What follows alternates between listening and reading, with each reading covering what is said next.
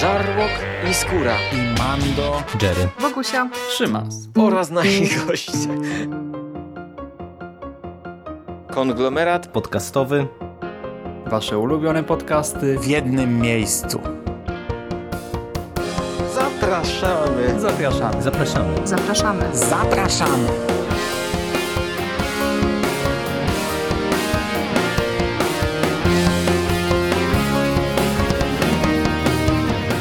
Witam w konglomeracie podcastowym, czyli na platformie, która zbiera wszystkie Wasze ulubione podcasty w jednym miejscu. Po tej stronie mikrofonu Szymon Szymaścieśliński, cześć. I dzisiaj przyszedł czas na omówienie Wielkiej Piątki, czyli swoistego preludium do Fallout. Fallout, które zobaczę już za kilka godzin w IMAXie i cieszę się niesamowicie. Mhm. Dzisiaj porozmawiamy sobie o Mission Impossible Rogue Nation, czyli o MI5. Też fajny skrót, nie? I jest to produkcja wyreżyserowana i napisana przez Christophera McQuarriego, a więc faceta odpowiedzialnego za no, w sumie sporo filmów z Tomem Cruzem. Panowie współpracują często i też sporo filmów jakoś tam znanych, rozpoznawalnych, za podejrzanych, Jacka Richera, Na skraju jutra, Mumię ostatnią czy właśnie piątą i szóstą część Mission Impossible, bo za szóstkę też odpowiada McQuire. Przy scenariuszu pomagał mu Drew Pierce, a więc współtwórca scenariusza trzeciego Ironmana i to jest znowu troszkę skomplikowane. Mnie ostatnio chyba przy podcaście o dwójce tam Michał Dziaja poprawiał w komentarzach, że mm, tam mm, panowie, o których mówiłem, stworzyli historię, tak, historię, ale potem ktoś inny stworzył scenariusz. Tutaj też nie pamiętam nazwiska, ale ktoś napisał pierwszą wersję e, tej historii, potem Drew Pierce to przejął i jak gdyby stworzył już taki w miarę sensowny wariant, ale potem, gdy został odsunięty i wszystko przejął Christopher McQuarrie, to, to on ostatecznie stworzył scenariusz. Zresztą podobno on powstawał na żywo w trakcie tworzenia tego filmu, że część scen mieli zaplanowane, Cruz i McQuarrie, a resztę e, fabuły dopisywali po prostu już w trakcie produkcji i Drew Pierce jest wymieniany właśnie tutaj jako ten twórca story, bo podobno część elementów e, tych jego pomysłów tak zostało przejętych i wykorzystanych w tej ostatecznej wersji e, fabuły. Muzykę zaś stworzył tym razem Joe Kramer, który też często współpracuje z McQuarriem, bo Giacchino akurat pracował przy Jurassic World i o ile w samym soundtracku na przykład dużych zmian ostatecznie nie zauważyłem, e, to fabularnie seria znowu ciutkę ewoluuje i zgodnie z oczekiwaniami zmienia się na lepsze. Tak, udało się to ponownie. Mission Impossible 5, że tak to ujmę, jest lepsze od swojego poprzednika. Intro to niestety znowu dziwacznie zmontowany zlepek scen z tym odpalonym lądem. I ja o tym wspominałem ostatnio, nie? że rozumiem iż to jest po prostu tutejszy zamysł y, na stworzenie kolejnego elementu charakterystycznego, ale do mnie to nie trafia. No ale wynagradza mi y, to niezadowolenie scena poprzedzająca intro. Widać, że twórcy traktują się nie do końca poważnie tutaj. Mamy masę drobnych gagów i takich zabawnych scenek jest właśnie zabawnie i emocjonująco. Tomek zwisa nam tutaj z Airbusa A400M, bo czemu nie? Podobno Cruz właśnie zastanawiał się, czym może przebić e, scenę e, z wieżowcem e, Halifa w Dubaju, no i stwierdził, że właśnie taka akcja z Airbusem jest dobrym pomysłem. W ogóle jestem ciekaw, co się działo w jego głowie wtedy, tak? Co mu jeszcze przyszło wtedy do głowy, jakie pomysły zanim zdecydował się na tego Airbusa, no ale to tylko wstęp, bo po chwili robi się poważnie. Ginie łącznik IMF, a Itan zostaje schwytany przez syndykat. Tak, e, to ta organizacja wspomniana w finale części czwartej i jeszcze jakby tego było mało, to równocześnie Komisja Senacka rozwiązuje IMF. Hmm. Słyszycie, no, nieciekawie. Itan ponownie został uznany tutaj za zbiega. IMF rozwiązano. Po świecie grasuje organizacja, która wysadza całe miasta, czy zabija głowy państw, a do tego jej lider ma pewną sprawę do Hunta. I co z tego wyniknie? Świetne kino. Świetne kino akcji, takie sensacyjno-szpiegowskie. Tom Cruise w trakcie premiery tego filmu miał 53 lata, w trakcie kręcenia tam pewnie z rok mniej, a wygląda na ekranie na co najmniej jeszcze zdychę mniej. Nadal szaleje, biega, skacze, wisi na drzwiach tego odlatującego samolotu i tak dalej, a co zaś tyczy się charakteru postaci granej przez niego, to Ethan Hunt znowu troszkę ewoluował. Jest nazywany w tym filmie wprost e, szaleńcem i hazardzistą i to w sumie prawda, pasuje do niego, bo Ethan nie myśli racjonalnie. On podejmuje decyzje w niezrozumiały e, przez nikogo sposób i jest w tym intrygujący, ale też czujemy, że to raczej niebezpieczny człowiek. Gdy dostaje przykładowo takie naprawdę chore zlecenie z bardzo krótkim deadline'em, to on to przyjmuje bez mrugnięcia okiem, jak gdyby nigdy nic, jakby ktoś go wysłał po bułki do spożywczaka, do piekarni gdzieś na osiedlu. No i oczywiście on gra po stronie dobra, jakoś mu kibicujemy cały czas, tak? I wiemy, że ostatecznie to dobro musi zwyciężyć, ale powiem wam, że ja chyba nie chciałbym z nim współpracować w jednej agencji, bo to by się dla mnie raczej nie skończyło dobrze. Znaczy, to, to nie jest tak na przykład, że Eitan nie szanuje mm, ludzi w swojej ekipie, czy coś takiego, że wystawia ich na e, jakieś wielkie ryzyko e, świadomie i nie liczy się z ich życiem, ale no on jest to jak ogień. Z jednej strony fascynuje, ale i parzy, jak się do niego za mocno zbliżymy i rzeczywiście no i jest w nim trochę tego szaleńca hazardzista, o którym jest mowa. Na ekranie towarzyszą mu ponownie Simon Pegg, Jeremy Renner i e, Wing Rames, to znaczy Benji, Brandt i Luther. Formuje się więc pewnego rodzaju stała ekipa. E, niestety nie powracają żadne ciekawe postacie kobiece z tych poprzednich filmów, tak, będę na to nadal narzekał. E, pojawią się tutaj na ekranie za to Alec Baldwin jako Alan Hanley, e, czyli dyrektor CIA, któremu podlega IMF i pojawi się Rebecca Ferguson jako Ilza Faust. Ilza Faust, kobieta, której potrzebowała ta seria. Mówię to zupełnie poważnie, tak może i się śmieję. Śmieję się, bo się cieszę po prostu, tak, bo to fajna franczyza dająca masę rozgrywki, ale Ilza Faust to jest naprawdę to, czego brakowało tym filmom. To agentka, która pod wieloma względami dorównuje Itanowi, jest sprawna fizycznie, doskonale posługuje się wszelką bronią, potrafi walczyć, to po prostu demon na motocyklu, genialny informatyk i tak dalej, i tak dalej. Oczywiście jest to znowu postać e, taki, taki superhero e, bez supermocy takich nadprzyrodzonych.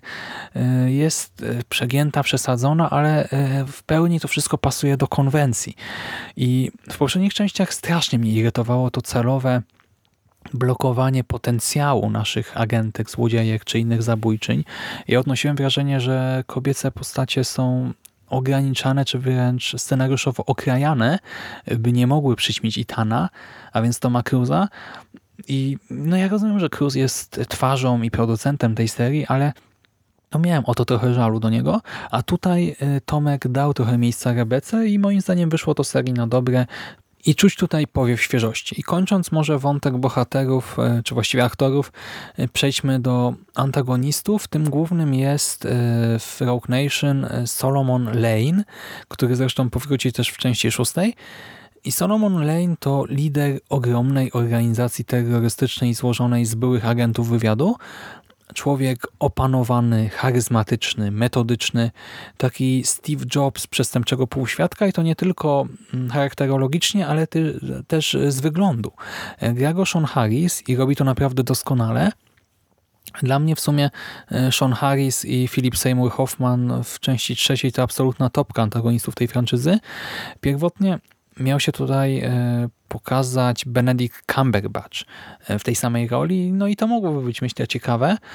I ostatecznie wyjść z serii też na plus, ale ostatecznie Cumberbatch ostatnio jest wszędzie. Mam wrażenie, że on naprawdę gra w tylu różnych produkcjach, że zaraz mi wyskoczy z lodówki i dlatego osobiście cieszę się, że jednak postawiono na Harrisa, zwłaszcza, że Harris też Wizualnie się doskonale tutaj prezentuje, bardzo pasuje do tej roli i no nie jest na tyle rozpoznawalnym aktorem filmowym, e, kinowym, e, aby jakoś, nie wiem, mieć konkretne asocjacje z czymś innym, gdy się na niego patrzy e, tutaj akurat w tej konkretnej też wizualnej odsłonie.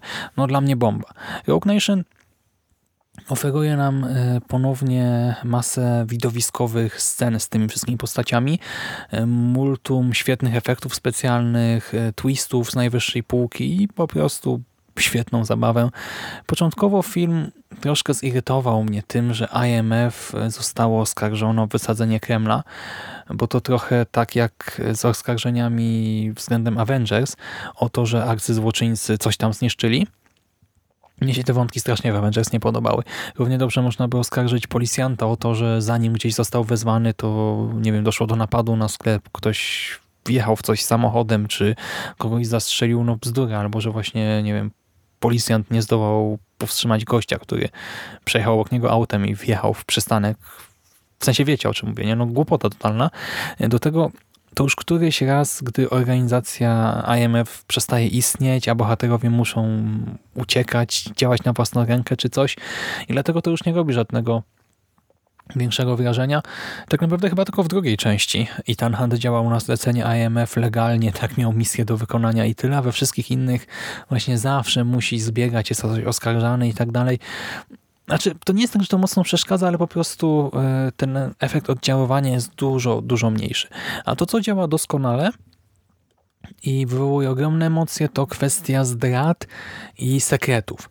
Ponownie jednostki, które służyły tu czy tam, teraz działają gdzie indziej, pomagają komuś, ale w sumie nie wiadomo, czy pomagają, e, bo może to, to tylko zasadzka, dezinformacja, prowokacja, manipulacja. Mamy różne mniejsze i większe zdrady, zmiany frontów, postacie, które są zaślepione czymś tam potem znowu doznają olśnienia i dzięki temu, zwłaszcza w tej pierwszej połowie produkcji, my nie wiemy do końca, komu tak w 100% można kibicować, e, kto tutaj może zdradzić ostatecznie. I film nas trzyma po prostu w napięciu dosłownie do ostatnich minut, a do tego Rogue Nation w swojej widowiskowości przebija wszystkie poprzednie części. Mamy tę akcję z drzwiami samolotu, czy nurkowanie w pompie wodnej na terenie elektrowni. I to jest przegięcie, a pościg po Maroko podbija jeszcze poprzeczkę. I powiem wam, że za pierwszym razem, gdy oglądałem ten film, to trochę mi to przeszkadzało, bo to było przesadzone, tak się trochę pukałem w głowę, no co oni mi tu pokazują, ale przy rewatchu teraz absolutnie nie, podobało mi się to i czuć tutaj bardzo mocno, że to nie jest po prostu takie przegięcie w stylu no, chcieliśmy pokazać coś niesamowitego, nie mieliśmy pomysłu, po prostu trochę podkręciliśmy scenę, tylko czuć, że twórcy bawią się tym swoim dziełem, że są bardzo świadomi tego, co nam pokazują, że sami się śmieją troszkę z pewnych elementów swojego filmu i mrugają do nas czasem okiem i dlatego doceniam to wszystko. I skoro zresztą o pokazywaniu różnych rzeczy mówię, to tutaj w tym filmie zobaczymy Londyn nocą, trafimy na Kubę, na Ukrainę, do Austrii, do Maroka, Paryża, tak.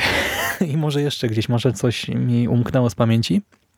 Czuć tutaj rzeczywiście, że budżet osiągnął już tę magiczną sumę 150 milionów, a budżet Fallouta to prawie 180 milionów, więc pewnie będzie jeszcze bardziej widowiskowo. No i dobrze, tak, bo to jest jeden z tych filmów, gdzie twórcy potrafią wykorzystać te pieniądze, gdzie one nie są zmarnowane, gdzie czuć e, ten ogrom pracy i ogrom środków finansowych też i ogrom czasu, który poświęcono na różne sekwencje. Czasem jak się czyta te ciekawostki, nie, że nad tą czy tamtą sceną to spędzono tam 10 dni, 2 tygodnie, 4 tygodnie, to człowiek tak teoretyzując się zastanawia, no ale jak to, jak 4 tygodnie, ale potem ogląda taki właśnie Rogue Nation i rozumie, tak, że no rzeczywiście zrobienie kilku e, podejść do takiej sceny musiało trwać masę czasu.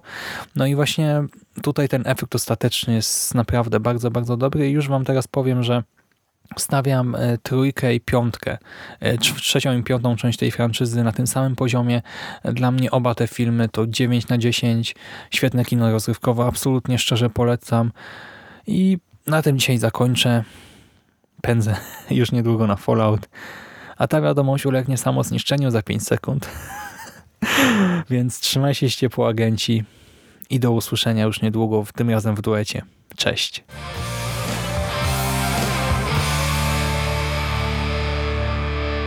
You finished? That's it, man. Game over, man. It's game over. What the fuck are we gonna do now? What are we gonna do? It's over. Nothing is over! Nothing! You just don't turn it off!